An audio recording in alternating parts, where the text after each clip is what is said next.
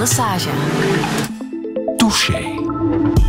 Touché vandaag met Raf Njotea. Goedemorgen. Goedemorgen. Ik mag jou voorstellen als een van de scenario-schrijvers van het immens populaire Dertigers. De één serie die uh, is afgelopen ondertussen. Hè? Ja. Immens populair, dat is niet overdreven, hè? Nee, zot hè? Hoe populair kan jij het omschrijven? Goh, uh, ik ken de cijfers eigenlijk niet, maar uh, ik denk dat het de verwachtingen van ons alleszins uh, overstegen heeft en misschien van de zender ook wel. Ja, het wordt online nog altijd heel erg druk bekeken. Er wordt over miljoenen kijkers, views gesproken. Mensen die aan een aflevering zijn, zijn begonnen. En um, alles wat daarbij ook komt kijken. Hè. Er is zelfs al een wandelroute uh, georganiseerd in Antwerpen. Heb jij die al gedaan? Nee, nee ik heb ze nog niet gedaan. Maar ik uh, kom natuurlijk wel op uh, sommige plekken waar de serie opgenomen wordt. En dan denk ik altijd, ah ja, hier hebben we dat geschreven of dit is daar gebeurd. Ja, want het wordt opgenomen op bestaande locaties in Antwerpen, niks in scène gezet. die zijn dus zeer herkenbaar. Er is ook een reeks boeken in de maak. Er zijn er al twee die beschikbaar zijn. Ja, daar heb het verhaal ik zelf... van Pieter en het verhaal van Nora. Daar heb ik zelf niet zoveel mee te maken. Dus uh, daar kan ik ook niet echt iets over, uh, iets over zeggen. Maar uh, blij dat ze er zijn. Ja, het zijn de verhalen van voor ze dertig waren. Prequels. Er is natuurlijk ook een en ander gebeurd hè, voor mensen dertig worden. Behalve scenario-schrijver mag ik jou ook omschrijven als opiniemaker. Hè? Je schrijft behoorlijk wat columns. Je laat je stem graag horen. Ja, dat klopt. Ik ben altijd blij als andere mensen mij een opiniemaker noemen, want ik doe dat zelf niet zo graag, omdat ik niet zo'n uitgesproken meningen heb, vind ik zelf, en alleen maar uh, dingen schrijf als ik voel dat er nog wat nuance in het uh, debat welkom is. Um, op mijn website zeg ik dat ik, dat ik uh, scenarist en zo ben. En dat vind ik misschien nog wel de beste manier om mijn professionele leven te omschrijven. En in welk debat meng jij je graag? vooral dingen over diversiteit, identiteit en racisme en taal. Daar zullen we het straks dan nog maar uitgebreid over hebben. Hè. Hoe zou jij jezelf omschrijven? Um, ik, uh, ik denk dat rustig het adjectief is dat mij in de breedste zin het best omschrijft. Um, ik ben ook heel rationeel. Te rationeel vind ik soms. Uh, een beetje cerebraal. Ik uh, zou soms willen dat ik iets emotioneler was. Um, een van mijn vrienden heeft mij ooit omschreven, op een liefdevolle manier weliswaar, als um, een uh, redelijk kleurloos mannetje buiten mijn job. Uh, wat eigenlijk wel, wel klopt, uh, in die zin dat ik um, geen echt uitgesproken persoonlijkheid heb. Dus um, ik ben niet echt iemand die graag de aandacht heeft, of ook niet iemand die um, het voortouw neemt in een groep. en ja, ik geloof ook niet echt in zwart-wit. Dus ik denk dat ik ook wel op dat vlak grijs ben. Ik ben iemand echt van de nuance, heb ik de laatste jaren geleerd. Omdat ik altijd ook alle standpunten in een discussie of een gesprek begrijp. Um, of toch bijna altijd. ik ben een pleaser. Uh, ja. Op het frustrerende af soms. Heel conflictvermijdend. Uh, en dat geldt voor meerdere scenaristen, heb ik de indruk, als ja? ik even stereotyperend mag ah, zijn. Ja? ja? Ja, toch wel. Iets introverter, iets meer op de achtergrond. wat dat grappig is, want eigenlijk is conflict ons uh, beroep. Uh, ah, ja. maar dus in het Zonder conflict kijkt niemand, denk nee, ik, naar voilà. dertigers. Nee, voilà. Um, ja, voilà. Ik denk, en ik, ben, denk dat ik mag zeggen dat ik begripvol ben en ook bijna nooit een oordeel vel over mensen of over hun keuzes. Uh, en tot slot um, sta ik redelijk complexloos in het leven, denk ik. En daar ben ik wel blij om. Op jouw Twitter-account lees ik nog een paar dingen. Pineapple Ambassador. ik had echt verwacht dat die vraag ging komen. Is het waar? Ja.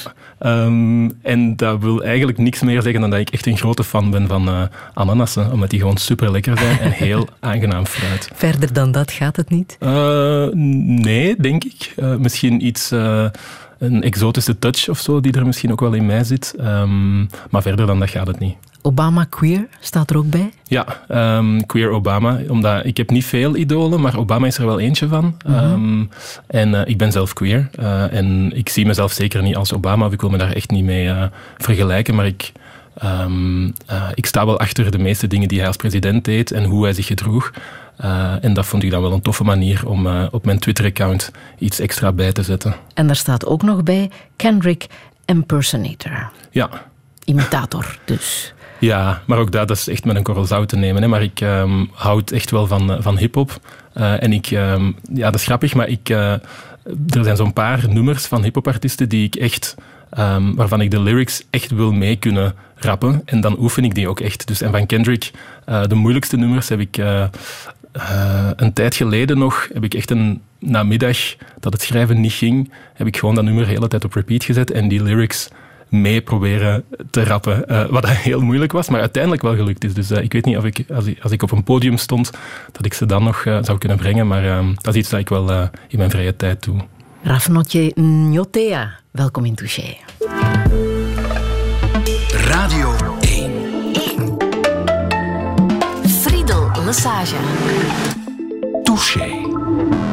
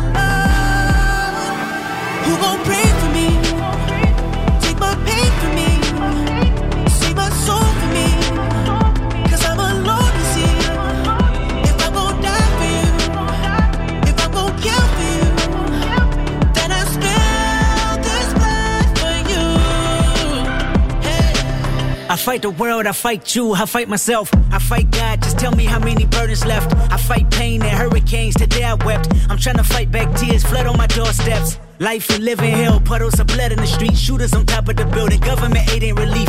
Earthquake, the body drop, the ground breaks. The poor run with smoke lungs and scar face. Who need a hero? Hero. You need a hero. Look in the mirror, there go your hero. Who on the front lines at ground zero? Hero. My heart don't skip a beat even when hard times bumps the needle. Mass destruction and mass corruption. The souls of suffering men. Clutching on deaf ears again. Rapture's coming. It's all prophecy. And if I gotta be sacrificed for the greater good, then that's what it gotta you be. Pray for me. Take my pain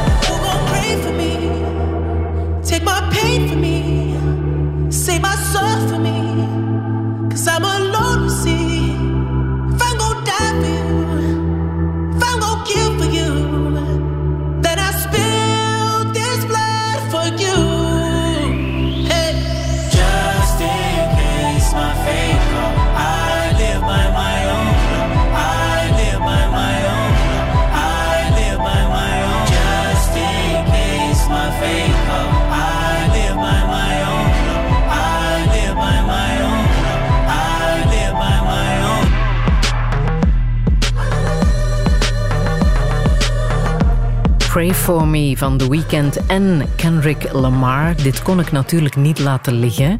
Raf Njotea, ik vond het op de zeer populaire Spotify-lijst van de al even populaire 1-serie Dertigers.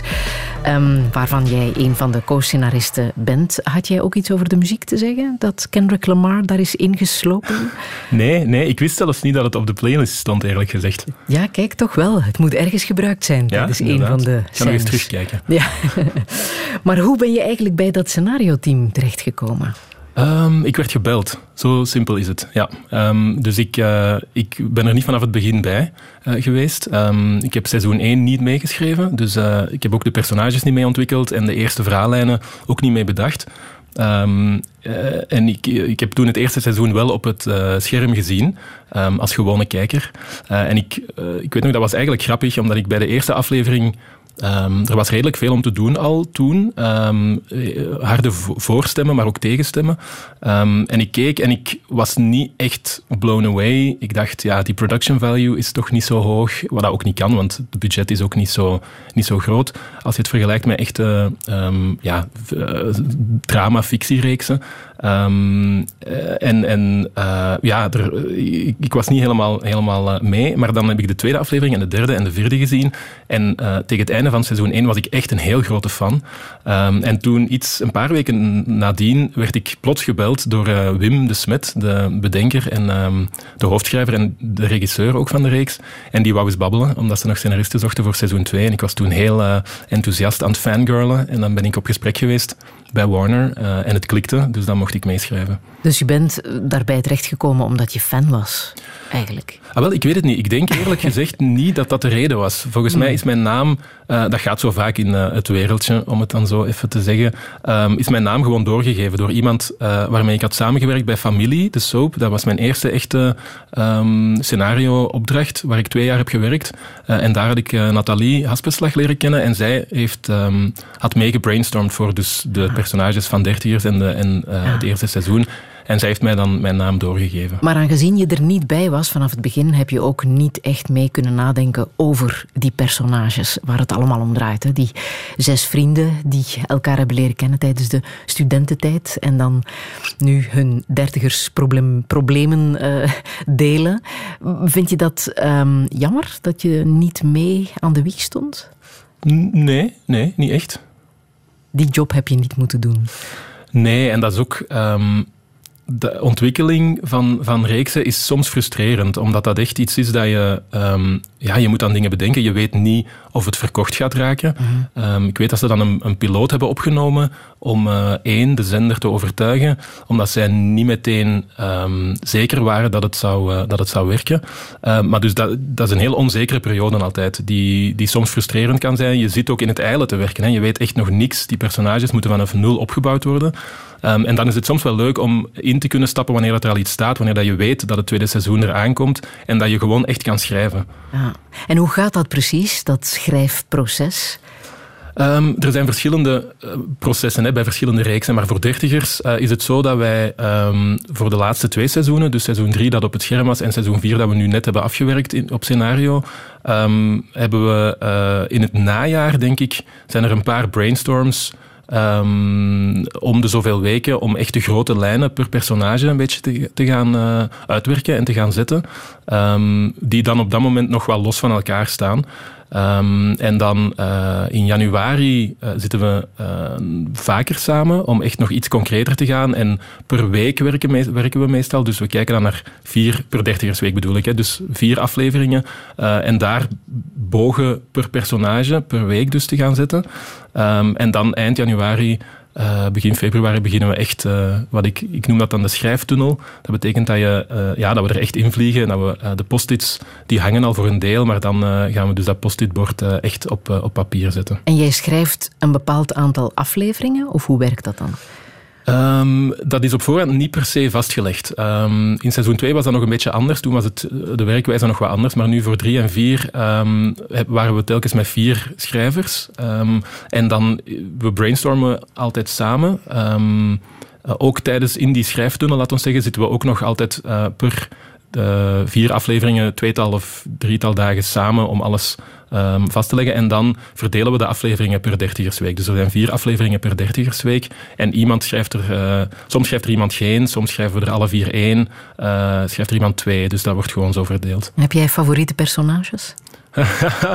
Eh, dat is een gevaarlijke vraag, hè? Ehm, goh, ik, niet echt eigenlijk. Ik heb bij elk personage ehm, eh, vind ik dingen die eh, mij echt aanspreken. En bij elk, allee, bij, eh, ook elk personage zijn er dingen die ik ehm, frustrerend vind. Ehm, en soms, afhankelijk van de verhaallijn waarin ze staan, is het wel makkelijker om voor sommige personages te schrijven ehm, eh, dan voor andere. Sommige die zijn iets meer gestereotypeerd of die, die zitten nog iets meer vast aan een vakje. En sommige die kunnen zowel ehm, heel eh, streng zijn of heel eh, liefdevol of heel eh, vriendschappelijk. Dat, ja, dat, is, dat verschilt. Ja, het derde seizoen kondigde zich onder andere aan met een radiospotje.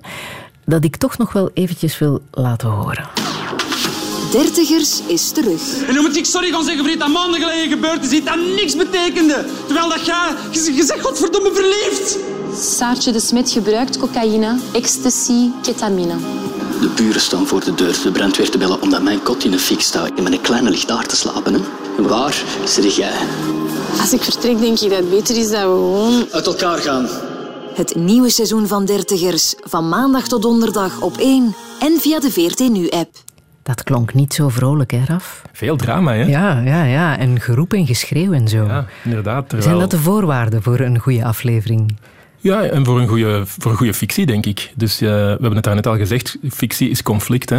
Um, en wat dat grappig is, nu dat ik die spot nog eens hoor, er zit echt veel drama in. En uh, een van de um, argumenten die mensen vaak gebruiken om, om um, te zeggen dat ze dertigers goed vinden, is dat het heel herkenbaar is. Maar als je dan dit hoort, weet ik niet zo goed hoeveel mensen dat al meegemaakt hebben uh, op dat niveau. Ah, jij bent zelf ook een dertiger, hè? Ja. Schrijf jij uit je eigen ervaring? Ja, ik denk dat we alle vier, de schrijvers, wel onze eigen ervaring echt heel hard meepakken in, um, in uh, het werkproces. Ah, en op welke manier dan? Waar kan ik jouw leven voelen? Uh, ik denk, ik weet niet zo goed als het over concrete verhaallijnen gaat. Um, kan ik nu mijzelf niks voor de geest halen um, daar rond, maar, maar eerder in zo het gevoel van wat je vrienden voor je betekenen. Um, hoe, wanneer je je vrienden ziet, in, welke, in welk kader of zo, in welke context. Um, en wanneer je naar je vrienden stapt um, om iets te bespreken. Dat denk ik, zoiets dat er de hele tijd onder zit. Het DNA een beetje van dertigers, dat zit, uh, ja, dat zit wel in, in ons uh, alle vier. Ja, en het is ook de periode in een mensenleven waar je heel veel beslissingen neemt. Hè? Waar je je leven een beetje in een, een bepaalde structuur wil krijgen. Zowel wat werk betreft als, als het leven zelf, als je privéleven. Is dat herkenbaar voor jou? Ja, weet je wat dat grappig is? Um, mijn leven is echt keihard veranderd toen ik dertig werd. Um, omdat ik... Uh, uh, ik, uh, ik had al wel gehoord toen, toen ik eind de twintig was, zo van mensen die, die schrik hadden om dertig te worden en die er echt niet naar uitkeken. En ik dacht altijd, maar jongens, doe even normaal. En toen was het voor mij zover. en ik was 29. Um, en er zijn dan wat dingen in mijn leven gebeurd ook die daar een impact hebben gehad. Maar toch ook het gevoel dat het um, ja, een, een mijlpaal is of dat je iets moet klaar hebben wanneer je dertig bent. Ik was daar toch niet aan ontsnapt, wat dat echt een verrassing was voor mij. Ah, ah. Je zegt het, het is aan de ene kant een geweldig succes, maar er zijn ook mensen die het mm, helemaal niet zo interessant vinden om, uh, om dertigers te zien. Ben jij gevoelig voor, uh, voor kritiek? Nee. Nee, dat interesseert mij echt niet. Ik vind, dit, is, ja. dit is wat ik onder andere heb gelezen. Hapsnap in elkaar gebokste wegwerpserie voor het internet. Dertigers snijdt nergens diep. Het wordt nooit echt relevant. Het is een soort ramptoerisme. Uh. ben je daar iets mee? Goh. Pff, ik denk, nee, we houden daar echt geen rekening mee. We willen natuurlijk wel de kijker tevreden houden. Hè. Ik denk dat dat logisch is. Maar, um, en ik weet ook niet zo goed of, in hoeverre dat geldt voor de andere schrijvers, maar voor mij ja, dat is ook normaal dat er zo'n reacties komen. Hè. Ik bedoel, ik snap ook van waar dat die komen. Ja? Maar pff, ja... Van waar? Goh, het, ik zeg het, het ziet er niet zo uit als een um, high-end fictiereeks. Dat kan ook echt niet, want dat zijn budgetten die tienmaal hoger liggen. Dus dat is ook niet onze sterkte, denk ik. En dan, ja, dan moeten we daar ook niet naar kijken. Um, en ik weet ook als scenarist, denk ik, um, zonder daar, daarmee pluimen op mijn eigen hoed te willen steken, want dat was in seizoen 1 ook echt zo. er is van het uh, weinige budget dat er is, wordt er altijd gezorgd dat er voor scenario um, echt budget is. En dat we ook daar uh, de tijd voor krijgen om de, om de lijnen goed te zetten, om de cliffhangers goed te zetten. Um, en ik denk dat dat ook, dat, dat is onze sterkte, denk ik.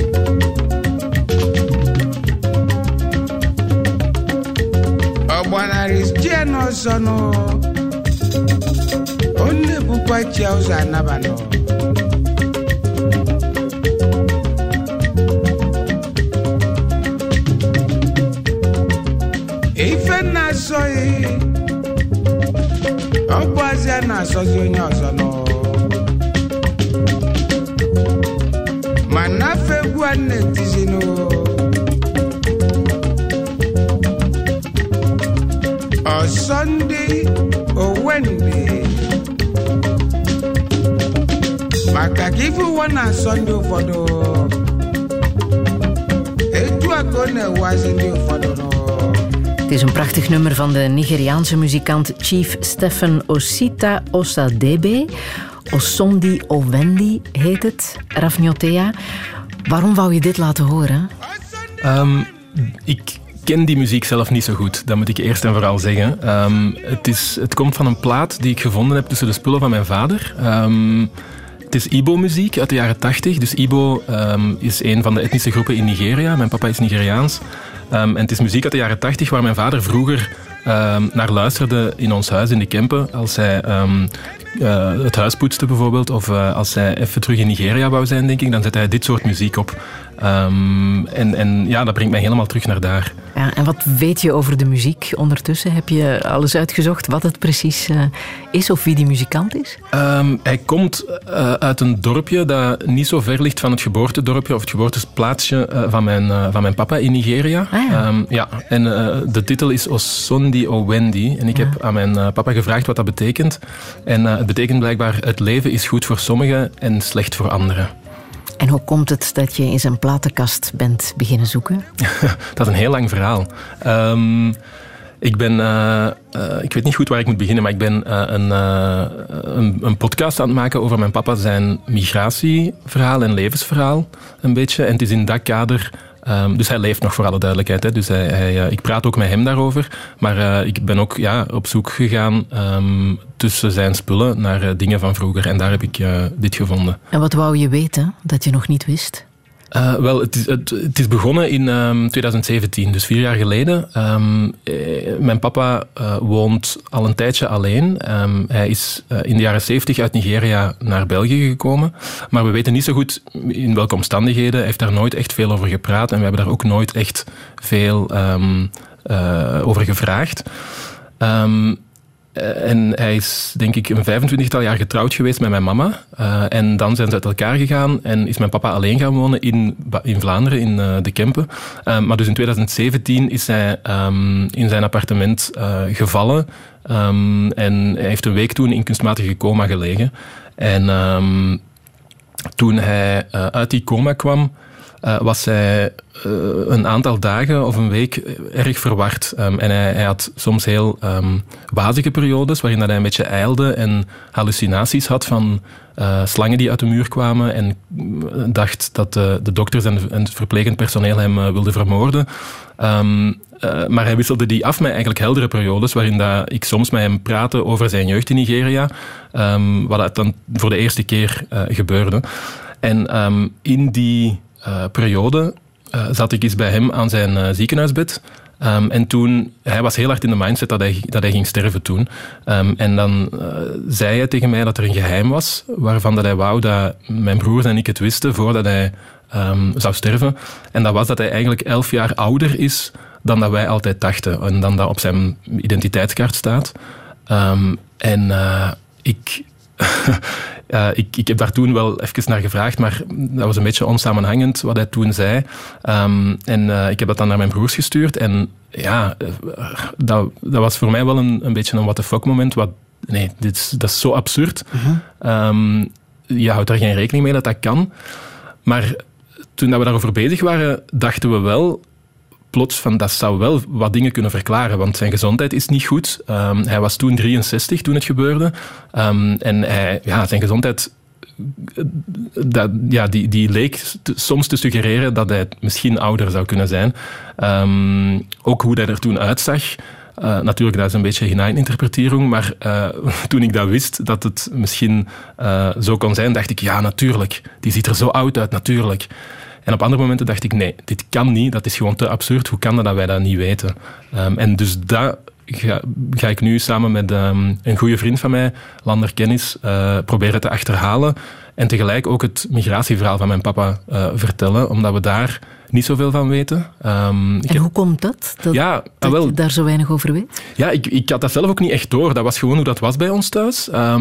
Hij heeft daar nooit echt veel over gepraat. Hij was sowieso wel een beetje een vreemde in huis. Ehm, hij was er wel. eh, en hij deed wel dingen, maar, maar eh, hij was toch ook altijd een klein beetje afgesloten van de rest van het gezin. Ehm, en ik weet niet zo goed hoe dat komt. Ehm, maar, maar ik had dat besef zelf pas toen ik er met Lander over praatte eh, en ook met andere vrienden over praatte. En, en Lander die stelde dan de vragen van, ja, maar wanneer is uw papa dan naar hier gekomen?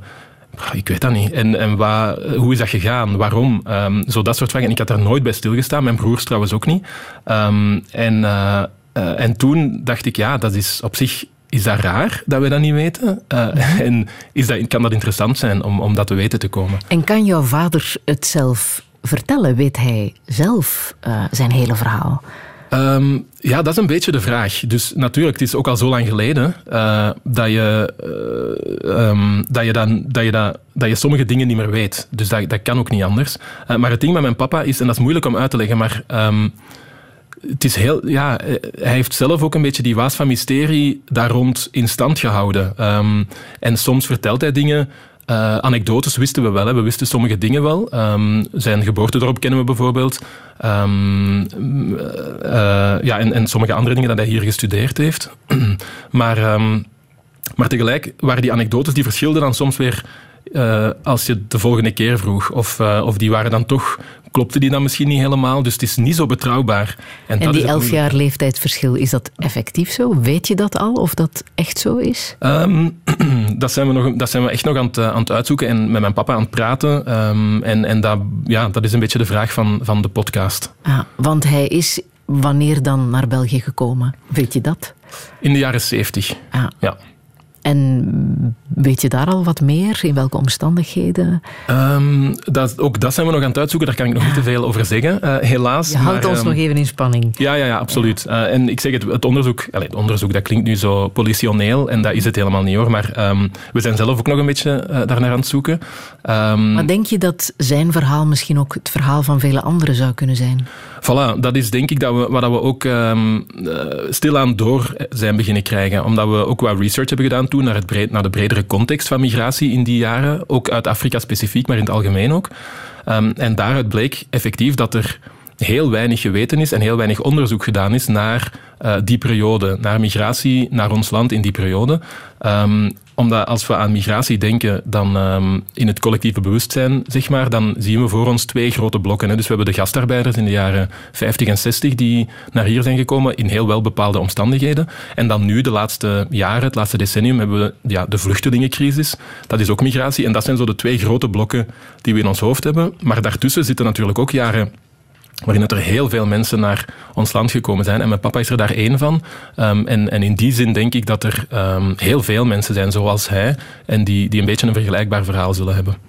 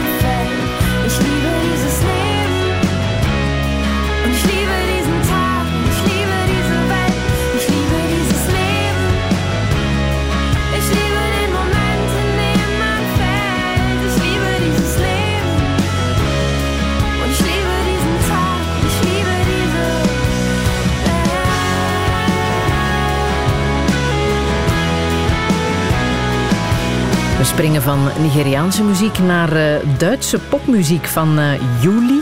Razend populair daar trouwens. En dit nummer heeft daar veel mee te maken. Dieses Leben. Raf Njotea, hoe heb jij dit uh, leren kennen? Um, dit is uh, een van onze Erasmus-schijven. Dus ik um, ben in Leipzig op Erasmus geweest. Uh, in 2006, echt al een uh, eeuwigheid geleden. En dat, dit nummer was toen net uit. En um, dus echt overal, dat was overal. Als we uitgingen was dat er. Als we gewoon op café zaten, je hoorde dat echt overal. Of zo herinner ik het mij toch. en dat brengt mij dus helemaal terug naar mijn Erasmus-tijd. En waarom wou je naar Leipzig? Ik wou eigenlijk uh, iets dichter bij België, omdat ik, ik speelde toen nog voetbal uh, en ik wou in de weekends, als het kon, uh, soms naar huis komen. Dus ik had eigenlijk um, in Münster, denk ik, mijn aanvraag ingediend. Um, maar daar was geen plaats meer en dan hebben ze mij naar Leipzig gestuurd. Had het ook iets met jouw liefde voor taal te maken? Ja, sowieso. ja. ja. ik heb um, taal en letterkunde gestudeerd aan de KU Leuven. Engels en Duits. en ik, ik vind Duits een prachtige taal. en ik, ik, ik kon die niet zo goed spreken. Ik kende de regels wel en de grammatica en zo. Die, dat is wiskunde, hè, die kan je gewoon leren. Maar om het echt vlot te spreken, dat leer je niet aan een universiteit. En ik wou dus naar daar om die taal iets beter te kunnen spreken. En wat vind jij zo fascinerend aan onze taal? veel dingen. Gewoon al het feit dat we daar, daarmee kunnen communiceren. Um, en dan bedoel ik niet zo heel algemene dingen kunnen overbrengen, gevoelens zoals um, ik heb honger of er is dreiging of uh, kom mij bevruchten of zo. Um, maar zo echt zo van volgende week ga ik uh, naar de supermarkt en ik ga daar uh, een cracker kopen met spelt en met zonnebloempitjes. En iedereen weet wat ik bedoel. Dat is echt waanzin toch? Dat is toch echt absurd? Ja, dat is heel mooi aan onze taal. Um, maar ook het feit dat dus onze taal, um, moet ik het zeggen, ons wereldbeeld mee bepaalt. Hè. Dus we kijken naar de wereld, uh, iedereen kijkt met zijn eigen bril um, en, en uh, op een bepaalde manier, maar de taal die we gebruiken vormt ergens ons wereldbeeld mee. En is dus ook echt een... Um, um, ja, een, een, tool of een, een wapen bijna, kan je, zou je kunnen zeggen, dat, waar dat we soms iets te onbewust mee omgaan, maar dat heel veel mogelijkheden in zich draagt. draagt. Kan je daar een voorbeeld van geven hoe taal ons wereldbeeld vormt? Uh, ik refereer vaak naar scheldwoorden. Uh, dus hierbij een trigger warning voor, uh, voor sommige mensen. Um, maar als je kijkt naar woorden zoals slet of flikker of neger, um, dan zie je dat, um, dat, onze scheldwoorden zijn altijd gericht, zeker de breed gedragen scheldwoorden, naar mensen die in een minderheidsgroep zitten. En die vaak al in een kwetsbare, kwetsbare positie zitten. en er zijn eigenlijk geen scheldwoorden om naar die meerderheidsgroep of die dominante groep te verwijzen. Dus je kan niet uh, slet is gericht op vrouwen die veel seks hebben. Een woord met dezelfde negatieve lading voor mannen die veel seks hebben, is er eigenlijk niet. Slet wordt nu wel iets vaker gebruikt voor mannen ook, maar dat is nog niet op dezelfde schaal als voor vrouwen. Ook hetzelfde voor neger. Hè. Voor witte mensen is er geen woord om op een denigrerende manier daarnaar te verwijzen. Voor flikker heb je ook geen, uh, voor hetero heb je ook geen tegenhanger van flikker. Um, dus dat soort, uh, daardoor um, uh, stelt onze taal ons wel in staat om op een negatieve manier over minderheidsgroepen te praten, maar we kunnen niet op dezelfde denigrerende manier over uh, dominante groepen of meerderheidsgroepen praten. En dat gegeven uh, alleen al zorgt ervoor dat we echt een beetje bewust met ons taalgebruik moeten omgaan. Want op zich is dat niemand zijn schuld natuurlijk, dat die woorden er niet zijn. Maar, maar het feit dat ze er niet zijn, daar moeten we ons bewust van zijn en daar moeten we ja, een manier vinden om daar toch iets mee recht te trekken, laat ons zeggen. En van waar die gevoeligheid? Want heeft het ook met jezelf te maken? Ben je zelf ook gevoelig voor bepaald woordgebruik als het over jezelf gaat? Uh, ik ben daar zelf ik ben redelijk coulant in hoe dat mensen mij noemen. Dus, um, of voor scheldwoorden ook. Ik heb eigenlijk... Natuurlijk, dat, dat raakt je ergens wel, hè, maar... Wat is het ergste wat ze al ooit tegen jou hebben gezegd? Uh, ja, neger is echt de number one, denk ik. In de Kempen was het vuile zwetten, dus vuile zwarte. Um, zwarte Piet ook vaak. ja, maar ja, bananenvrees. Ik bedoel, je hebt echt heel veel. Ik ga ze nu niet allemaal opnoemen, dat is ook een beetje raar. Maar... Um, uh, er zijn er heel veel, maar op zich, ja, dat is, dat is hoe dat is. En dat heeft ja. mij nooit getraumatiseerd. Nee? Nee. Nee. Maar dat heeft... En hoe komt dat, denk je? Ja, ik weet het niet zo goed. Ik denk dat dat met mijn... Um, uh, de, manier, of de, de omgeving waarin ik opgegroeid ben te maken heeft. Ja? Um, ik heb twee broers. Ja? Um, een oudere broer en een jonge broer. En ja, ik denk dat wij, dat wij gewoon een beetje ons... eh, dat, ja, wij, wij zijn heel Vlaams opgevoed. Ehm, eh, dus mijn mama is van de Kempen. Ehm, en die heeft, we hebben, ik ben geboren in Antwerpen, maar toen ik één jaar was, zijn we verhuisd naar Wechelderzande uh, in de Kempen. En ehm, dan heeft mijn mama, die was echt de voortrekker in onze opvoeding. Uh, en die heeft, er, ja, die heeft ons uh, wij, wij, naar de muziekschool gestuurd, um, naar uh, de Dixieles. We, deden, we zaten in de scouts, we deden voetbal, alle drie. En we dat is voor jou Vlaams opgevoed? Is ja, dat, ja, dat is misschien raar gezegd, hè, maar ik bedoel, ja. dat is echt zo. Ja, we waren ook de enige gekleurde mensen in het dorp toen. Hè. Um, dat was in de jaren 80, 90. Um, en dus al onze vrienden van in uh, Wechelterzande zijn wit. Um, wij, en, en op school werden we natuurlijk soms wel uitgescholden. Um, maar we hebben gewoon, denk daar, dat was gewoon hoe het was. Dat was niet anders. En andere kinderen werden anders genoemd. En bij ons was dat dan onze huidskleur. Zo denk ik dat we En hielp het op een of andere manier dat je twee broers had en die op dezelfde manier vaak werden aangesproken? Dat jullie met drie waren om een soort front te vormen als het al nodig was? Ja, sowieso. Um, omdat we ook een spiegelbeeld hadden, denk ik, aan elkaar ergens. Um, en, en mijn broers zijn sowieso ook heel belangrijk in mijn, uh, in mijn leven en in mijn leven geweest ook. Um, omdat wij, uh, denk um, heel, ja, we zijn redelijk verschillend. Um, en toch ook gelijk. uh, in die zin dat we... Verschillend. Ja, mijn, mijn oudste broer Robin is um, uh, ja, zo'n beetje de intimiderende leidersfiguur, laat ons zeggen. Die heeft een beetje een natuurlijk gezag. Dat was de ook oudste, altijd. Hè? Ja, de oudste, ook echt typisch de oudste. Um, hij was ook de sterkste op de speelplaats bijvoorbeeld. Dus als er, hij heeft, ik denk dat hij wel meer racisme heeft meegemaakt dan, dan, uh, dan mij of dan mijn jongere broer. Um, maar en nu, hij is ook degene die nu een beetje ja, een baken is, vind ik voor mij ook. Uh, hij is getrouwd, heeft kindjes. Um, dus, dus dat is Robin. En Jonathan is dan de typische jong, jongste van het gezin. Die is um, uh, impulsiever en die, um, dat is ook, die is. Die, uh, iedereen wil hem er ook altijd bij, omdat hij overal een feestje van kan maken. een plantrekker echt. en, en zij zijn bijvoorbeeld ook veel socialer dan dat ik ben. Ik, ik heb andere kwaliteiten en ik denk dat we elkaar zo heel goed in evenwicht hebben gehouden op een of andere manier. En dat we ook, we zijn ook nooit jaloers geweest, denk ik, op elkaar. Op elkaars sterktes en zwaktes. We, we weten ook heel goed wat dat onze sterktes zijn en wat de sterktes van de anderen zijn. En op die manier denk ik dat dat voor ons altijd ja, in een evenwicht gewoon heeft gewerkt. Um, en, en, en dat we daar zo eigenlijk in, in hebben gestaan. Ja, en hebben jullie de zogenaamde scheldwoorden ook op dezelfde manier ervaren? Want jij zegt, dat heeft mij nooit echt geraakt of getraumatiseerd. Is dat ook zo voor jouw broers? Wel, um, mijn, uh, ik heb een, een tijd geleden een... Uh, een gesprek gehad met uh, een vriend en uh, mijn jongere broer, Jonathan.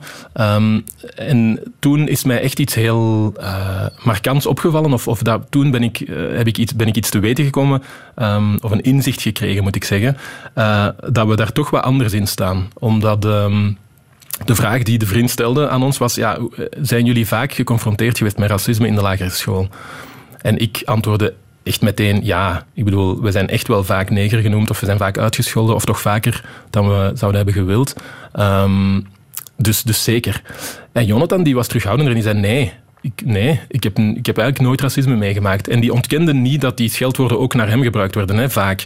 Maar hij zei, ja kijk, dat is nu eenmaal het meest zichtbare kenmerk aan ons. Dat is dat wij bruin zijn.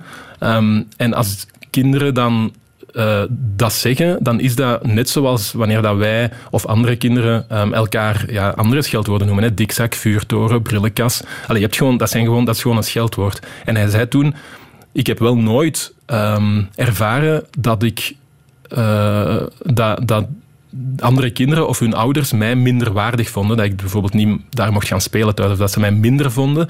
Uh, dus dat is niet racistisch. Um, en dat heeft mij het inzicht gegeven dat racisme eigenlijk ja, relatief is. En ik weet dat dat een um, beladen uitspraak is, uh, die Lisbeth Homans, denk ik, in 2013 of 14 ook deed. Um, en ik, um, ik wil mezelf niet uh, aan haar kant scharen, want zij deed dat om de discussie af te sluiten.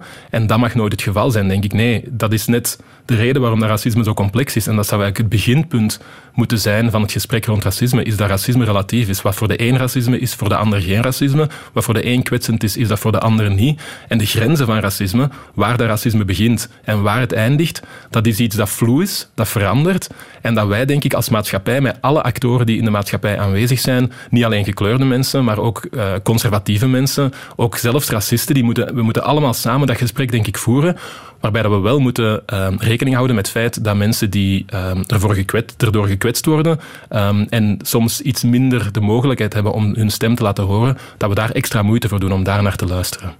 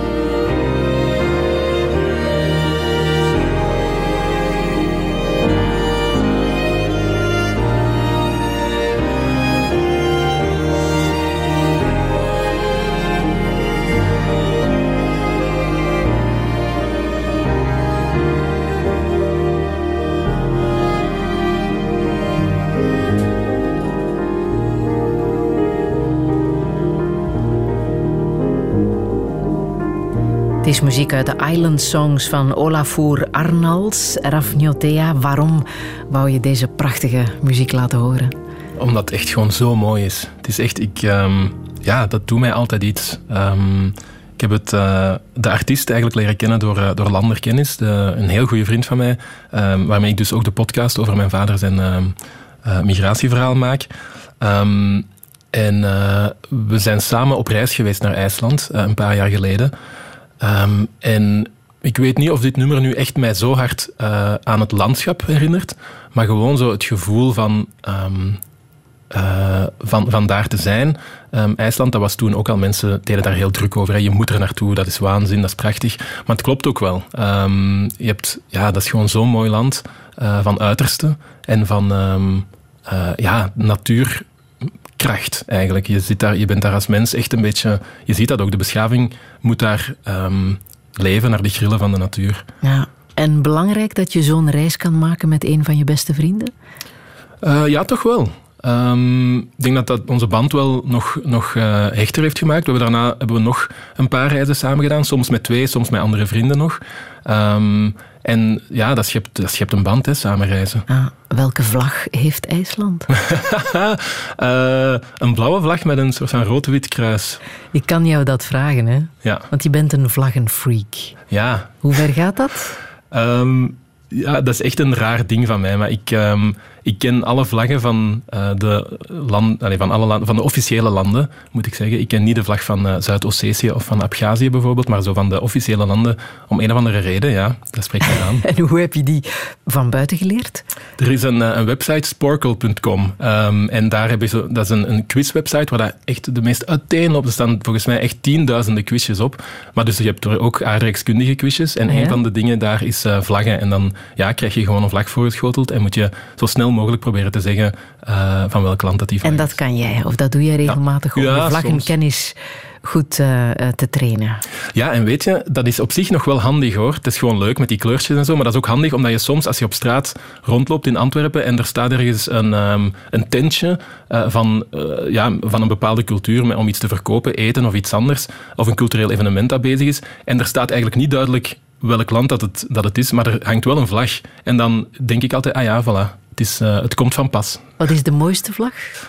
Um, Palau heeft een mooie vlag. Dat is een eiland, staat in uh, Oceanië. Die hebben een lichtblauwe vlag met een gele bol. Dus dat is gewoon heel mooi qua kleur. Maar de Seychelles hebben ook een heel mooie vlag. En een heel atypische vlag. Um, een soort van regenboog waarin dat alle kleuren in een één hoek beginnen en dan zo uitstralen naar de rest van de vlag. En wat vind je van de Belgische vlag? Goh, ja, een... Uh, een beetje een, uh, een typische vlag. Hè? Ik bedoel, er zijn heel veel landen die zo'n uh, drie kleur hebben. Ken je de geschiedenis van de vlaggen dan ook? Of gaat het enkel over zo ziet ze eruit en ik kan er het land op plakken?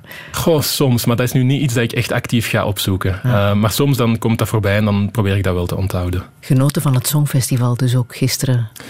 Ja, ik ben niet zo'n songfestivalman, maar gisteren heb ik toevallig wel gekeken. Niet alles, uh, maar de meeste dingen wel. Ja, naar de vlaggen of naar de nummers, naar de acts. Ja. Zeg, ik heb nog um, muziek uit Moonlight dat ik wil laten horen. Um, jouw favoriete film, Moonlight, is uh, de Oscar-film. Dat moeten we er misschien meteen even bij vertellen. Die um, de Oscar heeft gekregen voor beste film. Al was dat niet meteen duidelijk. Hè? Dat was een momentje bij de uitreiking van de Oscars. Ik zal het even laten horen. We lost, by the way, but you know. Guys, guys, I'm sorry. No, there's a mistake. This, there's a mistake. Moonlight, you guys won Best Picture. Moonlight won.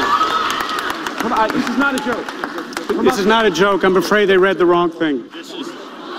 This is not a joke. Moonlight has won Best Picture. Moonlight, Best Picture.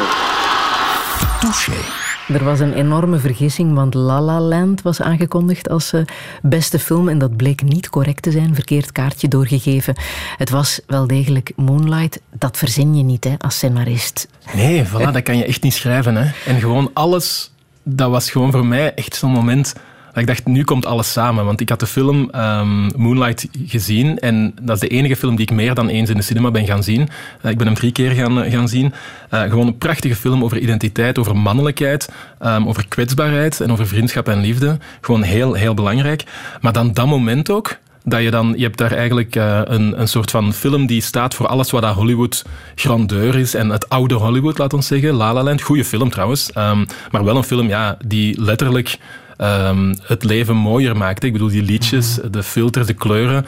Um, en dan krijgt die zogezegde Oscar en plots is dat toch niet het geval en gaat hij toch naar de underdog die, die dan staat voor een nieuwer, diverser Hollywood met kleinere verhalen rond kwetsbaarheid. Dat vond ik echt een heel, heel mooi moment. Ah, en weet je waar de scenarist het scenario heeft uitgewerkt? Barry uh, Jenkins? In, in Brussel? Ja, ja. Café, klein cafeetje in, uh, in Brussel. Fantastisch mooi cafeetje. Ah, ja. ja. Moet jij eens gaan zitten als Welk café? Uh, scenarist. Lord Byron. Ah ja, oké. Okay. Dit is de muziek.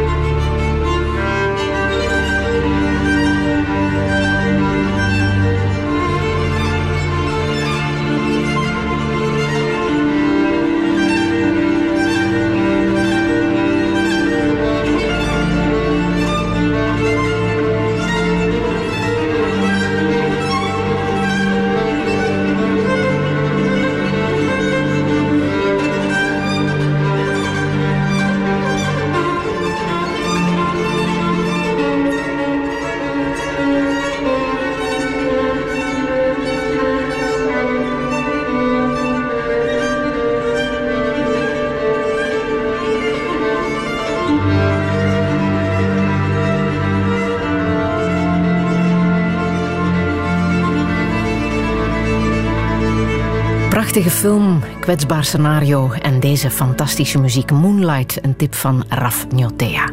Wij praten zo meteen verder. Radio 1. Friedel Massage. Touché. Touché met Raf Njotea. Hij leverde zo net het scenario van het vierde seizoen van Dertigers af. De populaire serie op één. Over de plotwendingen mag hij niks vertellen, maar hoe hij zelf zijn dertigersbestaan beleeft, daar kan hij wel wat over kwijt. Samen met zijn twee broers groeide hij op in Wechelderzande. Nigeria, het geboorteland van zijn vader, was lange tijd enkel een exotische vakantiebestemming. Tot nu, het levenstraject van Papa Njotea onderzoekt hij momenteel voor een Radio 1-podcast. Maar hoe moet het verder? Wat is het verschil tussen wit en blank? Wanneer voelde hij voor het eerst echte emotie? En gelooft hij in de eeuwige liefde? Dit is Touché met. Een goedemiddag. Tonight I'm gonna have real time. I feel alive. And the world, I'm turning inside out. Yeah. I'm floating around in ecstasy. So don't stop me now. Don't stop me. Cause I'm having a good time, star leaping through the sky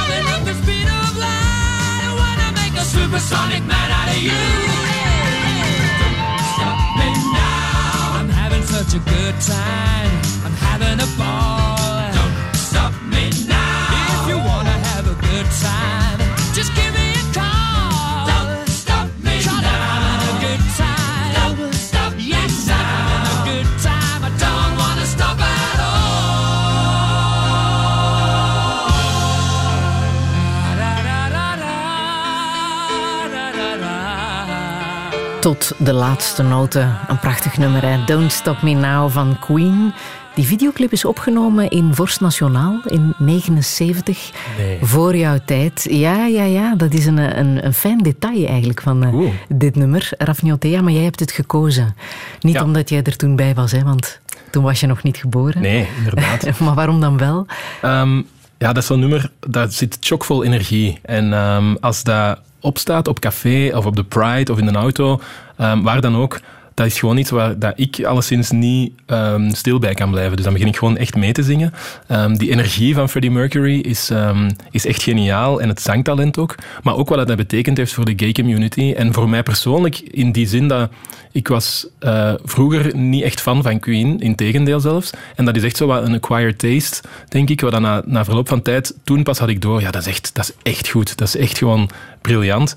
Ehm, en vooral ook omdat dat Freddie Mercury zelf dan ehm, was voor mij een, eh, of is voor mij zo het, het symbool een beetje dat. ehm, eh, hoewel dat ik zelf niet het meest uitgesproken karakter heb, dat heb ik al gezegd, ehm, en een beetje grijs ben soms. eh, het is oké om ook flamboyant en gay te zijn. En daar leven nog heel veel stereotypen over. Ehm, eh, mensen hebben daar vaker problemen mee dan ehm, eh, bij mensen waar je het tussen aanhalingstekens niet van ziet dat ze, dat ze homo zijn. Ehm, en voor mij was dat echt een beetje een, eh, een leerproces om dat ook mij daarvan bewust te En worden in welke zin dan?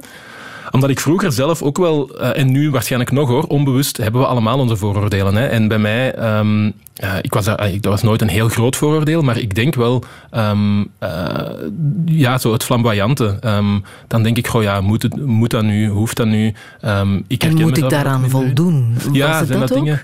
Waar je aan moet voldoen, of dat is een stereotype dat leeft, maar dat klopt niet.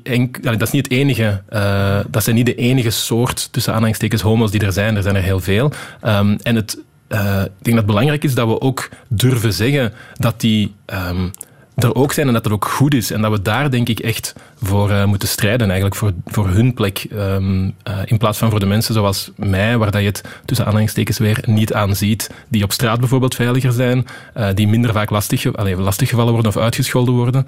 Ehm, en dat zit daar in die sfeer voor mij, dat, dat nummer van Queen. Ben jij ooit naar de Gay Pride geweest? Ja, sinds een paar jaar eh, doe ik dat nog maar. En dat is echt heel, heel leuk. Dus ik kan het iedereen aanraden. Ehm, mijn mama is ook komen zien. eh, de laatste keer, denk ik, dat, ze, dat het eh, doorgegaan is. Ehm, en ik denk dat zij dat ook een feest vond. En dat had ik nooit eigenlijk in haar gezien. En daar, ik was daar, dat was echt een aangename verrassing voor mij. En hoe heb jij dan meegelopen in die stoet van mensen? Ik loop altijd mee ehm, bij, een, bij, een van de, bij, een van de wagens waar ik, waar ik een paar mensen van ken. Ehm, en dan de feestjes nadien. Eh, en nu, dus dat zijn gewoon heel leuke feestjes. Ehm, iedereen is blij. Eh, er heerst een sfeer van eh, uitgelatenheid, maar ook acceptatie.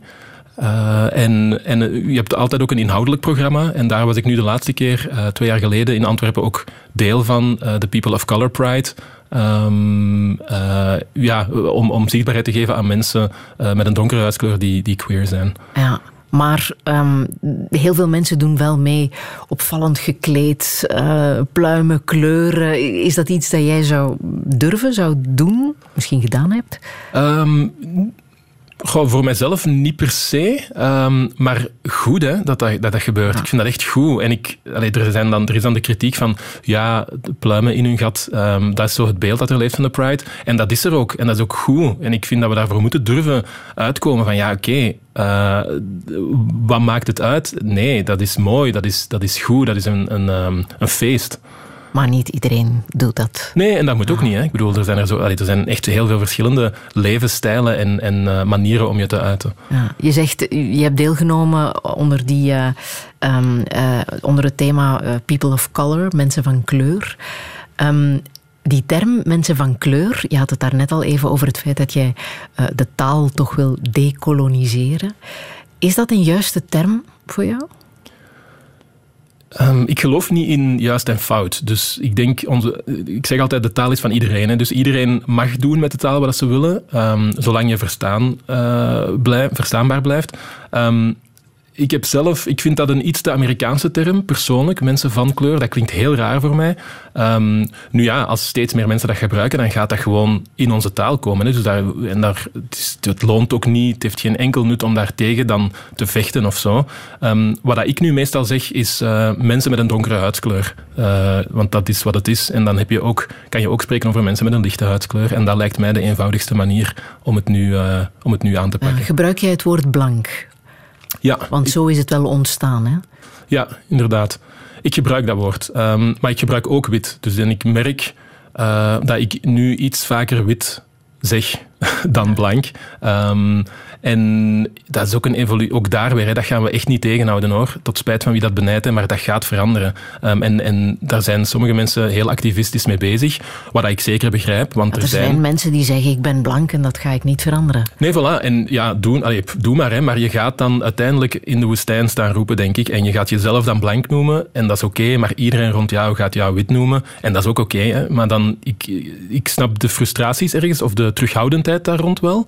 Eh, mensen zijn bang van dingen die veranderen, maar taal verandert. Allee, het is inherent aan taal dat die verandert. Hè. Dat, heeft, dat heeft taal altijd gedaan en dat gaat die blijven doen. Ja. Wit, is dat een kleur? Ehm, ja, wel, ik, waarom dat ik wit zeg, is omdat het... ehm, het Nederlands is een van de weinige talen waarin we een apart woord hebben voor eh, de huidskleur blank, hè, de huidskleur wit. Dus in alle andere talen is dat eigenlijk dezelfde, hetzelfde woord als de kleur. Ehm, en dat betekent eigenlijk, of dat heeft als implicatie ergens, dat je daardoor het gevoel krijgt dat ehm, blanke mensen buiten het kleurenspectrum vallen. Of dat die huidskleur buiten het kleurenspectrum valt. Dus dat je blank hebt en dan al de rest die gekleurd zijn. En ik denk, als we dat willen rechttrekken, dan ehm, loont het, denk ik, om wit te gebruiken. Omdat dat ehm, ten eerste eh, ja, ehm, een, een, een deel is van het, van het kleurenspectrum. Ik weet niet of dat wetenschappelijk klopt, maar in elk geval gevoelsmatig wel. Plus ook, het doet mensen even stilstaan, bij, eh, omdat dat het woord is dat we nog minder gebruiken. En dus dan hebben mensen even zo'n momentje van, ah ja, oké, hij of zij zegt hier wit. Dus, eh, en dan begint de molen te draaien. Mhm. En we zijn allemaal van kleur, misschien? Mooi. Ah ja. Mooi. Ja. Nu, ehm, ik denk dat er eh, al heel veel stappen zijn genomen. We zijn er nog niet, maar er gebeurt heel veel. En veel heeft te maken met de media, de beeldvorming in, eh, in de media. Als we even kijken naar dertigers, zit daar een homokoppel in waar een van de twee van kleur is. Als ik dit nu allemaal goed omschrijf. Omschrijf ik dat goed? Met een donkere huid. ja, Alex en eh, Elias. Ja. Daar was jij niet bij betrokken, bij de personages, maar goed en denk ik evident hè, dat eh, die personages ook mee in eh, dertigers zitten. Op welke manier wordt daar onder de scenaristen ehm, over nagedacht? Op welke manier zij in het scenario worden verwerkt? En wat daar precies wel en niet mee gebeurt? We hebben, en ze in seizoen 1, want ik was er toen nog niet, ehm, hebben erop gelet ehm, om van het feit dat Alex en Elias homo zijn, ehm, geen verhaallijn te maken. Eh, en dat op zich is een, denk ik, een positieve evolutie in representatie van minderheden in de media. Ehm, omdat dat vroeger eh, ja, vroeger waren er gewoon geen minderheden of amper minderheden. Dan ehm, werden die echt als nevenpersonages en heel kleine eh, ehm, eh, rollen opgevoerd. En daarna kwamen ze iets meer in de picture, maar dan was het altijd net die, eh, dat identiteitskenmerk dat hen tot een minderheidsgroep eh, deed behoren, dat dan het conflict was, het hoofdconflict, en waar dat alles rond draaide. Ehm, en op zich was dat, en dat, gebeurt nu nog altijd vaak in, in fictie, op zich is dat goed hè, dat daar eh, over gepraat wordt, dat dat verhaallijnen zijn, dan begint dat ook te leven in ons ja, collectief bewustzijn. Maar ik denk dat we ook wel moeten door stromen naar een volgende fase, of zoals ik het zo mag omschrijven, waarin dat we dat soort kenmerken ehm, gewoon er laten zijn en niet problematiseren. Eh, en dat is, ja, we, we hebben het hier en daar wel, ook in seizoen 3 met ehm, eh, hun, hun verhaallijn, eh, is het wel even, wordt het soms zoiets net even aangeraakt. In welke mate wordt daar iets over gezegd? Eh, ik denk, ja, het, is al, het is op het scherm geweest, dus ik mag het zeggen, maar ehm, eh, in een zoektocht naar eh, een pleegkind ehm, is dat heel even misschien een van de redenen geweest waarom dat ze eh, op een bepaald moment geweigerd zijn of dat de, dat de vader van het kindje ehm, zich, ja, zich toch heeft bedacht om het feit dat ze homo zijn. Misschien, dus dat is En waarom is er gekozen voor die verhaallijn? de pleegzorglijn. Ja, ja. Oeh, dat is een goede vraag. Ehm, Want dat is toch ook een keuze die dan wordt gemaakt door de scenaristen? Ja, ik denk dat dat een ehm, maatschappelijk relevant verhaal is, ehm, maar ook wel, daar is veel mee te doen. Dus daar, daar zijn... ehm, daar, daar kan je veel mee als scenarist. Daar zijn veel eh, zotte verhalen die we hebben gehoord. Ehm, van, van, eh, van mensen die het echt mee, mee hebben gemaakt. Zoals? Ehm, ja, dat ga ik nog niet zeggen, want eh, dan verraad ik misschien wat dingen voor seizoen 4. Maar Ah, oké. ja, dat, Ja. dat geeft gewoon mogelijkheden. Eh, en dat was denk ik misschien een van de, van de redenen.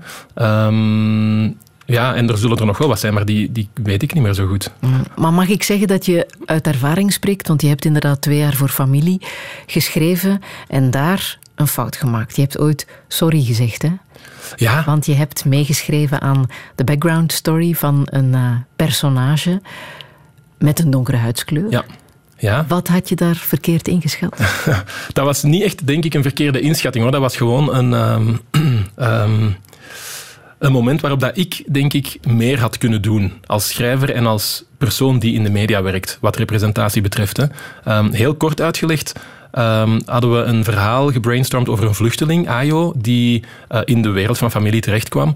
Ehm, eh, en de backstory daarvan, dus eh, het deel van het verhaal dat op zich niet relevant is, maar gewoon dat het verleden van het personage is, ehm, daar hadden we denk ik met de scenaristen van gemaakt. Ja, hij komt uit een klein dorpje en zijn familie is vermoord door Boko Haram of zoiets en dan is hij moeten vluchten.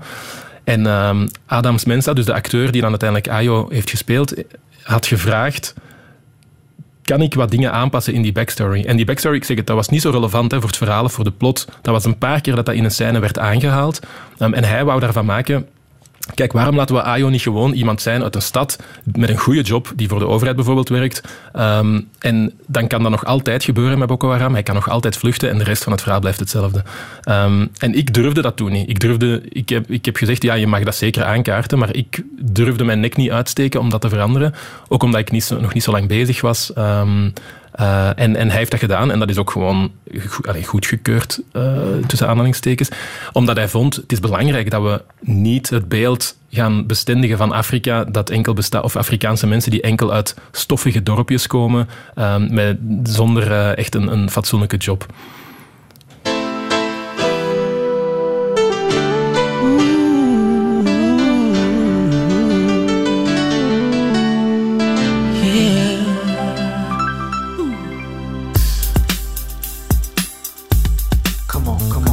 Changes. Wake up in the morning and I ask myself, is life worth living? Should I blast myself? I'm tired of being poor and even worse, I'm black. My stomach hurts, so I'm looking for a purse to snatch. Cops give a damn about a Negro. Pull a trigger, killing, he's a hero. Get it to the kids who the hell cares. One less hungry mouth on the welfare. Ship them, don't let them deal with brothers. Give them guns, step back, watch them kill each other. It's time to fight back, that's what Huey said. Two shots in the dark, now Huey's dead. I got love for my brothers, but we can never go nowhere unless we share with each other. We gotta start making changes. Learn to see me as a brother instead of two distant strangers. And that's how it's supposed to be. How can the devil take a brother if he's close to me? Uh, I let it go back to when we played as kids, but then changed. That's the way it is. Come on. That's just the way it is. Things will never be the same. That's just the way it is. Oh yeah. Hear me. Oh, That's just the way it is. Things will never be the same.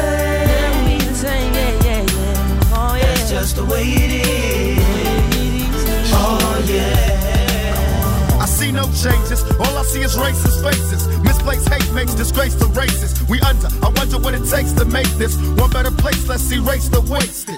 Take the evil out the people, they'll be acting right. It's both black and white and smoke tonight. And the only time we chill is when we kill each other. It takes skill to be real time to heal each other. And although it seems evident, we ain't ready to see a black president.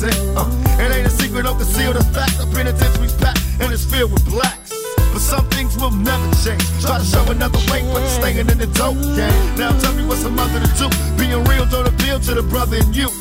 You gotta operate the easy way. I made a G today. But you made it in a sleazy way. Selling back to the kids. I gotta get paid. Well, hey, well, that's the way it is. Come on, come on. That's just the way it is. Things will never be the same just the way it is. Oh yeah. Hear me. Come on, come on. That's just the way it is. Things will never be the same. That's just the way it is. Oh yeah. We gotta make a change. It's time for us as a people to start making some changes. Let's change the way we eat let's change the way we live, and let's change the way we treat each other. You see, the old way wasn't working, so it's on us to do what we gotta do to survive. And still I see no changes. Can a brother get a little peace? It's war on the streets and a war in the Middle East. Instead of war on poverty, they got a war on drugs so the police can bother me. And I ain't never did a crime I ain't have to do. But now I'm back with the facts, giving it back to you. Don't let them jack you up, back you up, up, and pimp smack you up. You gotta learn to hold your own. They get jealous when they see you with your mobile phone. But tell the cops I can't touch this. I don't trust this. When they try to rush, I bust this. That's the sound number two. You say it ain't cool. My mama didn't raise no fool.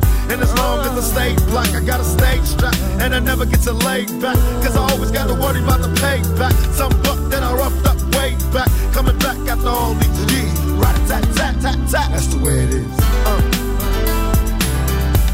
Just the way it is. Things will never be the same. Changes van uh, Tupac. Het is denk ik twee jaar na zijn dood een echte hitsingle geworden. Raf Njotea, waarom wou jij dit laten horen? Wat heb jij met dit nummer? Dit is de schijf uit mijn jeugd. Is het echt? Ja, uh, en Tupac is een beetje de artiest uit mijn jeugd. Um, uh, zoals ik zei, ik ben opgegroeid met mijn broers. Um, maar wij waren ook wel best populair op school. We hadden onze eigen vrienden van onze klas en van onze leeftijd. Maar die groep is een beetje um, bij elkaar echt samengesmolten in onze tienerjaren. Um, dus van verschillende leeftijden. En we hadden dan ook ons clubhuis bij ons thuis, in de kelder van ons mama haar huis. waar dat een ijskast stond met drank in, waar dan een Playstation stond. Er heeft ook even uh, een biljarttafel gestaan. En er hingen dus ook vlaggen van Tupac.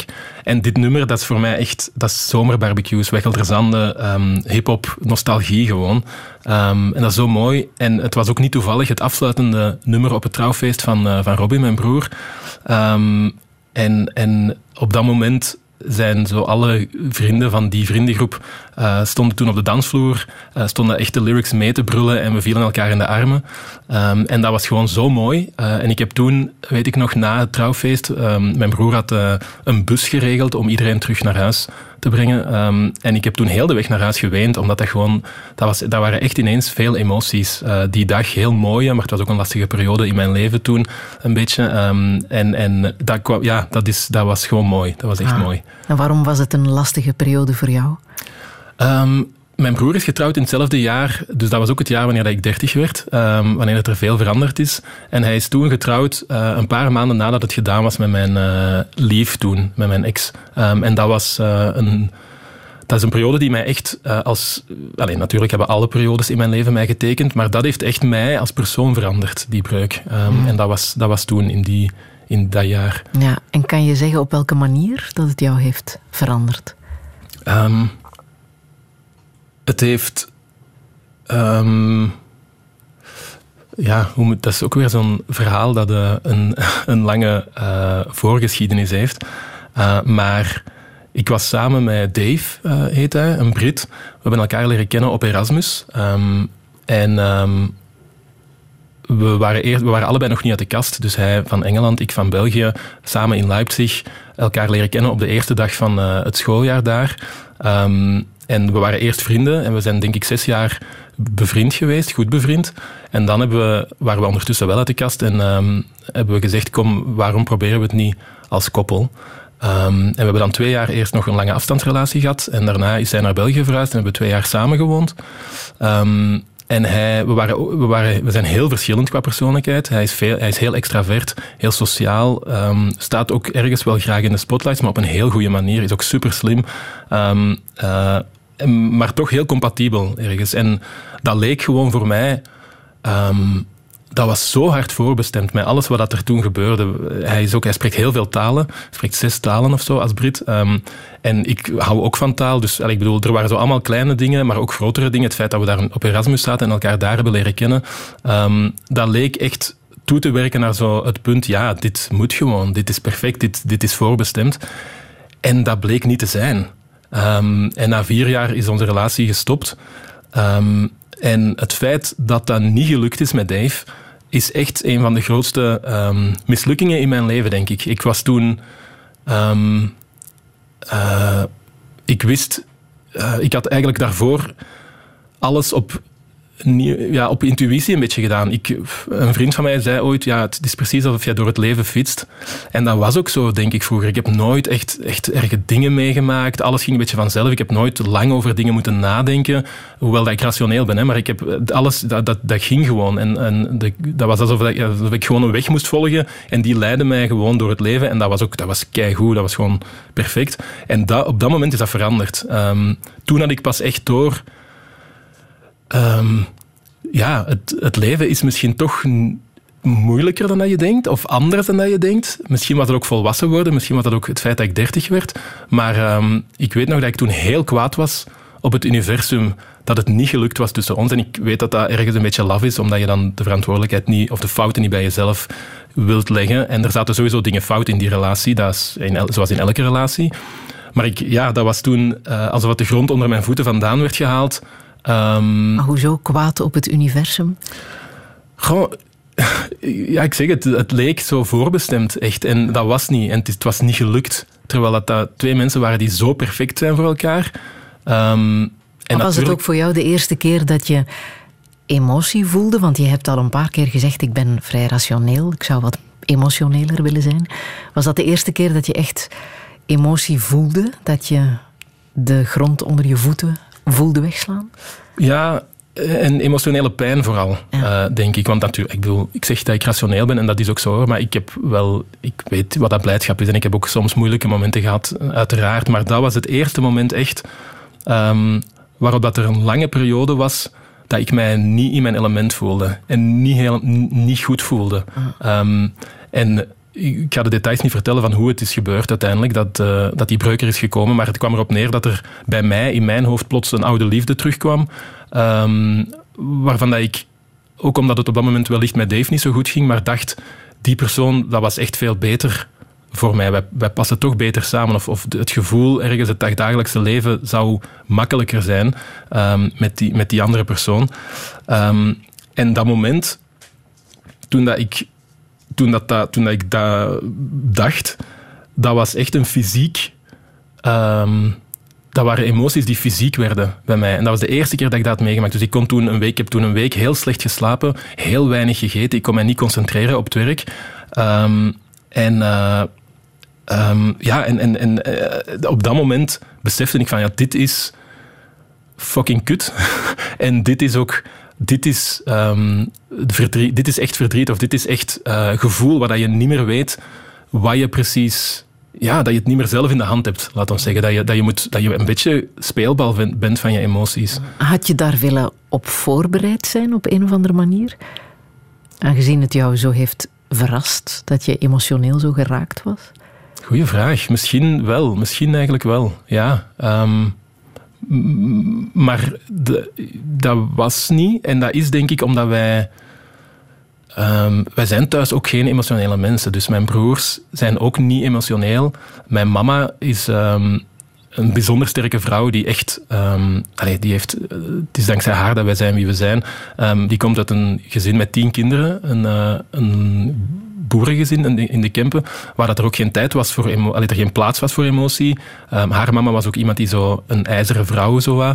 Um, dus zij uh, heeft, hij is ook niet emotioneel, mijn papa ook niet. Dus ik denk dat dat daar wat mee te maken heeft. Um, en het had misschien wel, ja, het had misschien zachter geweest of anders gelopen als ik makkelijker mijn emoties toonde of iets anders met mijn emoties omging. Ah, je schrijft scenario's, hè? Ja. Ja, gek dat je dit nu vertelt terwijl je scenarist bent en dertigers hebt geschreven. Ja, dat is waar. Waar heel veel emoties in te zien zijn.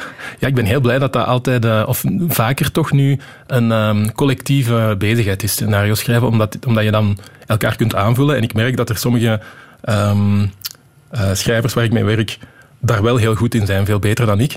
Maar tegelijkertijd is scenario schrijven, dat is een ambacht en dat is ook...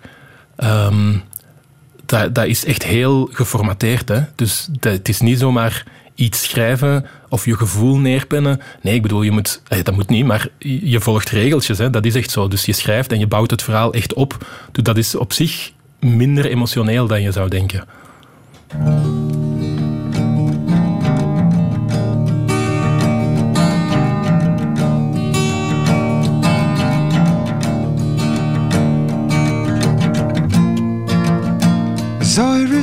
So it's say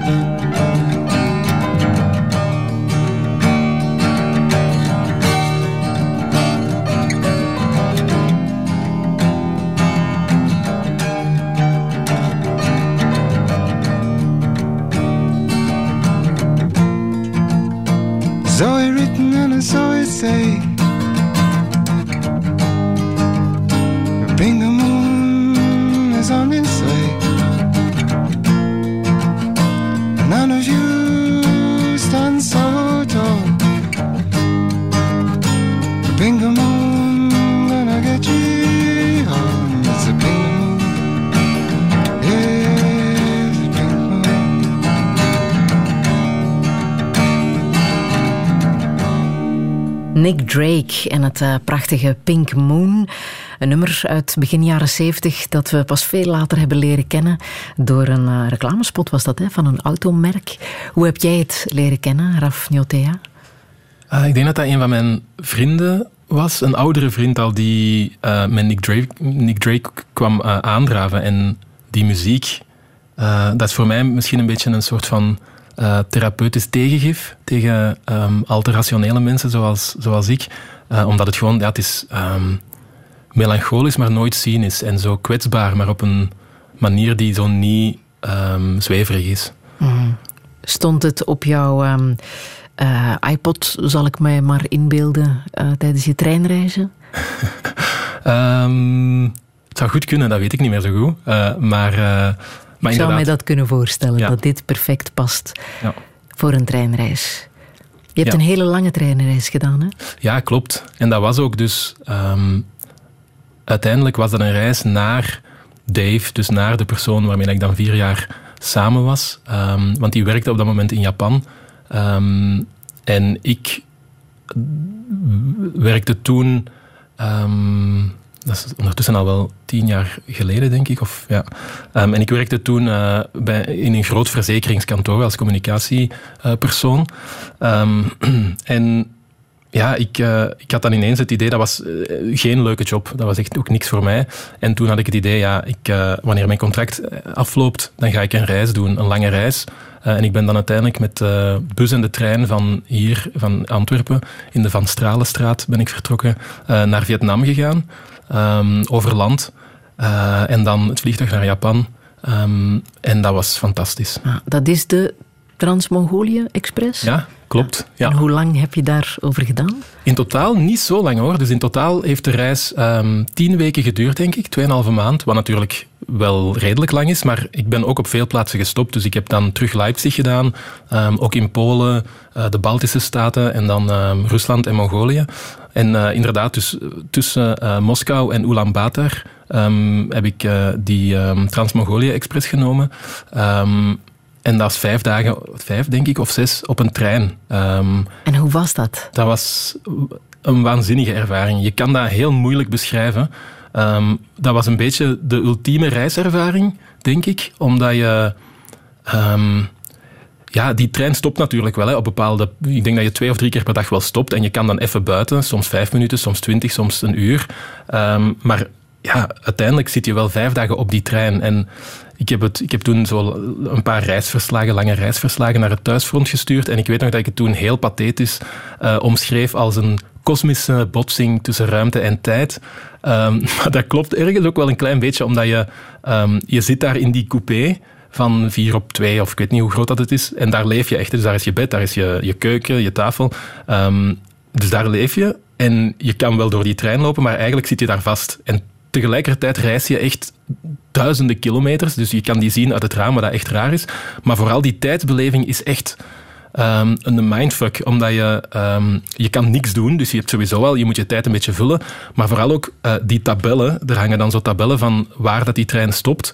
Ehm, en die, die staan allemaal in Moskouse tijd. Dus alle uren staan in Moskouse tijd. Ook al zit je helemaal in een andere tijdzone aan de andere kant van Rusland. Waardoor dat je dus soms eh, ziet van ah, de trein gaat stoppen in Ulan-Ude om 7 uur s ochtends. Maar je kijkt buiten en het is donker, want dus de lokale tijd is helemaal anders. En ik weet nog dat ik in het begin op mijn gsm, denk ik, eh, de lokale tijd had. Of, of, en op mijn uurwerk dan de Moskouse tijd, om zo te kunnen volgen. Maar na, na een dag denk je, dit, dit werkt gewoon niet. Hè. Dit, is niet ja, dit, dit kan niet. En dan laat je dat los. En dan, is dat, dan ben je gewoon weg. En dat, dat is fantastisch. Ah, van waar die fascinatie voor tijd en tijdsbeleving? Ehm, dat, is nog maar, dat is niet zo lang nog niet dat ik daar echt een fascinatie voor heb. Maar ik vind... ehm, ja, dat is een soort van levens, eh, levensmotto geworden, of toch een, eh, een spreuk waar dat ik vaak aan terugdenk, is dat eh, niks voor eeuwig is. Ehm, en dat geeft, ja, ik vind tijd tegelijk het meest ehm, onverbiddelijke dat er is en het meest troostende. Omdat je, eh, ja, onverbiddelijk in de zin dat alles voorbij gaat, alles eindig is. Dus ook je leven, ja, iedereen gaat dood. Heel deprimerend. De mooie momenten kan je niet vasthouden. Geluk kan je niet vasthouden. Dat is echt, ja, dat doet pijn. Hè? Dat, dat is onverbiddelijk. Maar ook super troostend, omdat dat ook natuurlijk omgekeerd geldt. Hè? Dus moeilijke periodes gaan voorbij. Ehm, ja, dingen als je stress hebt of zenuwen voor iets, of je, je kijkt ergens tegenop, dan kan je eigenlijk projecteren van binnen zoveel tijd is dat voorbij. Eh, dat gaat, eh, dat, er, er zit iets heel relativerends in en dat vind ik heel mooi. Ah. Heb je die tijdsfascinatie ook eh, gemerkt bij het lezen van In Europa van Geert Mak? Een van jouw favoriete boeken, of toch boeken die jou een bepaald inzicht hebben gegeven. Wat gaat over de geschiedenis van de 20e eeuw. Hè? Die tijdsbalk van Ja. 1900 tot 2000. Ja, absoluut. Ik weet niet of dat een van mijn favoriete boeken inderdaad is, maar inderdaad wel een boek dat mij ehm, eh, een inzicht heeft gegeven. In die zin dat je voor mij. Ik was vroeger een, echt een, allee, en nog altijd een nerd, dus ik, ik studeerde graag en goed, maar eh, geschiedenis kon mij nooit bekoren in het middelbaar. En ik vond dat ook nutteloos. Ehm, en het is pas toen ik dat boek las, dat ik echt eh door had wat dat geschiedenis is ehm, en hoe dat dan nog altijd doorwerkt. En dat alles eigenlijk ehm, in elkaar overloopt. Een beetje dat, dat dingen die vroeger gebeurd zijn, ehm, eh, geopolitieke situaties of, eh, of economische eh, realiteiten, dat die in, op elkaar inwerken als dynamieken die dan samen de geschiedenis eigenlijk vormgeven. En dat alles wat er nu gebeurt, dat dat niet gewoon een losstaand feit is, maar dat dat echt een samenloop is van verschillende dingen. Hm, En dat er meer is dan de tijdsbalk alleen Ja, van zo'n 20e eeuw. Ja. Ja. Thank you.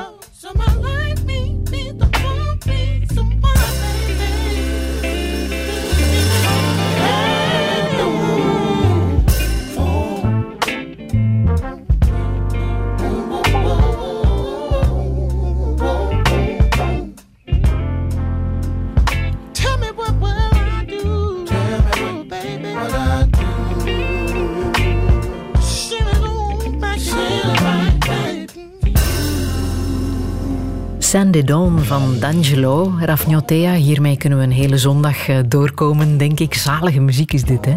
Prachtig, hè? Ja, dat, is, eh, dat, dat is een nummer van eh, mijn... Wat dan muzikaal het beste, nummer, het beste album aller tijden is, vind Ja? ik. Ja, Voodoo van D'Angelo.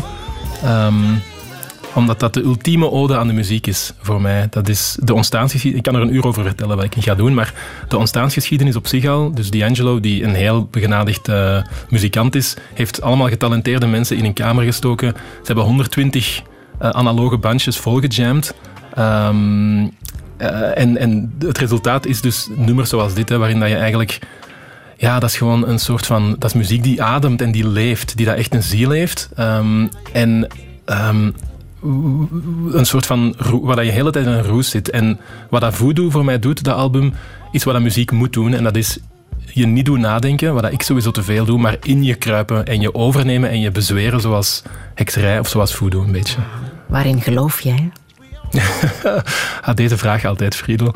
Ehm, ik heb daar lang over moeten nadenken. Want ik wou niet zeggen in niks, eh, want dat is ook niet echt, maar ik ben, ik ben zeker niet gelovig. Ehm, en ik denk dat ik geloof in verbondenheid. Ehm, en ik weet dat dat nu heel geitenwolle sok klinkt. Ehm, Wat betekent het voor jou? ja, het is. ehm, ik zie dat ook als iets heel letterlijk. Dus alles is verbonden. Eh, wat, ik, wat ik daarnet al zei over in Europa, hè, de geschiedenis.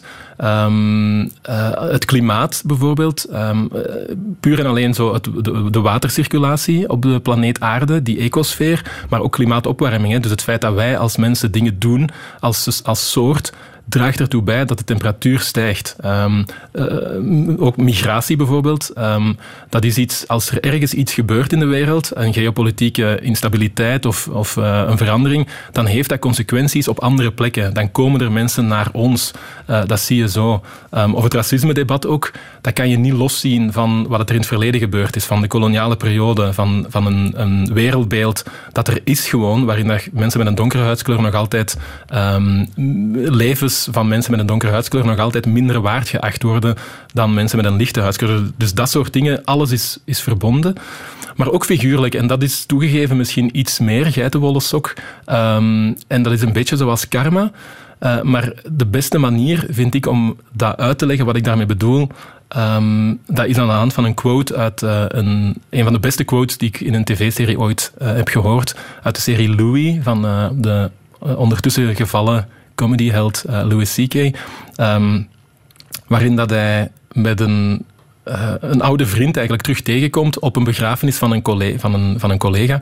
Eh, en die vriend zit echt in een doodlopend... Stel, zijn leven zit in slop. ehm, en hij wil zelfmoord plegen. En hij zegt dat tegen Louis. Ehm, en Louis, is, ja, Louis zegt dat hij dat niet mag doen. En die vriend wordt kwaad. En die zegt, jij hebt dat niet te beslissen, het is mijn leven. En Louis zegt, ehm, it's not your life, it's life. Eh, het leven, zegt hij, is niet iets dat je bezit. Het leven is iets waar dat je deel van uitmaakt, iets waar dat je getuige van bent. En dat vind ik echt zo'n prachtig idee van zo het leven dat er gewoon is als iets en dat wij, zoals een draaimolen bijna, die, die gewoon draait en waar dat wij even mee opstappen en dan als je, als je doodgaat ben je er terug uit, maar het leven is er. En dat is niet iets dat van ons is, dat iedereen op zijn eigen eilandje heeft, maar dat, wij als al, dat er gewoon in het algemeen eh, is. Nou, begin deze zomer word je 35. Klopt. Dat is nog een vijftal jaar dat je dertiger bent. Ja. Dat ga je niet blijven. Je wordt hopelijk ook veertiger en vijftiger en misschien zelfs tachtiger. Wat zou je echt nog willen in het leven? Ehm, ik ben echt heel blij met het traject dat ik afgelegd heb en hoe dat mijn leven er nu uitziet. Ehm, ik, ik zou om niet veel meer kunnen vragen. Ik denk, ik hoop dat ik eh, mijn familie kan blijven zien, mijn vrienden kan blijven zien. Ehm, en misschien als ik dan toch nog iets mag hopen, dan is het mijn gevoel in de liefde, die toch echt voor een deel, eh, of mijn geloof in de liefde moet ik zeggen, die voor een deel ehm, ja, onderuit gehaald is door wat er gebeurd is, ehm, dat dat terugkomt. Eh, en misschien die grote liefde, dat die, dat die er ook nog komt. Maar dat zijn extra's. Mm. En nog iets dichter bij die eh, prachtige quote van de Hongaarse schrijver Euden van Horvat komen. Ja, ja, ja. Het is ook een van mijn favoriete sproken, ook omdat het in Duits is. Die zegt... Eigentlich bin ich ganz anders, nur komme ich so selten dazu. En dat betekent, eigenlijk ben ik helemaal anders, maar ik kom er gewoon zo zelden toe. Ehm, en dat is voor mij, ja, we denken altijd en we hopen altijd en we wensen altijd dat we toch anders waren, dat we misschien iets emotioneler waren of iets rationeler, eh, zullen sommige mensen eh, hopen. Maar eigenlijk zijn we wie we zijn hè? en daarmee moeten we het doen. En dat is geen excuus om niet aan jezelf te werken, want dat moeten we allemaal doen, maar wees ook blij met wie dat je bent en wees trots op wie dat je bent. Welke boodschap wil je nog meegeven? Dat. Echt, is het. ehm, ja, Dat is ook een inderdaad. hele mooie. Wees lief voor jezelf. Echt, je, je doet ertoe. Dat is, allee, heb zelfrespect. Ehm, eh, je, bent, je bent belangrijk, je bent er. En je, je, je, je, je hebt er ook, je hebt recht om er te zijn. En wees ook lief voor elkaar, want we zitten allemaal in hetzelfde schuitje. Hè. Ehm, we, we doen allemaal ons best. Je wil nog Michael Jackson laten horen met Dangerous. Ah, heel goed, heel goed. Waarom? De beste performer ooit. Ja? Is Michael Jackson, ja. En natuurlijk, over zijn persoon valt er heel veel te zeggen. Hij spoort niet helemaal, spoorde niet helemaal. Maar ehm, Want eh, toen, begin jaren negentig, toen dit nummer uitkwam, was er al sprake van eh, seksueel misbruik hè, met Ja. minderjarigen. Doet geen afbreuk voor de artiest die hij is? Voor jou? je, je merkt wel dat hij nu natuurlijk minder gedraaid wordt, hè, sinds eh, dat dat geweten is. En ik vind dat ergens jammer. Ehm, en ik hoop dat ik zo artiest en mens toch een beetje uiteen kan houden. En Michael Jackson is gewoon energie puur sang.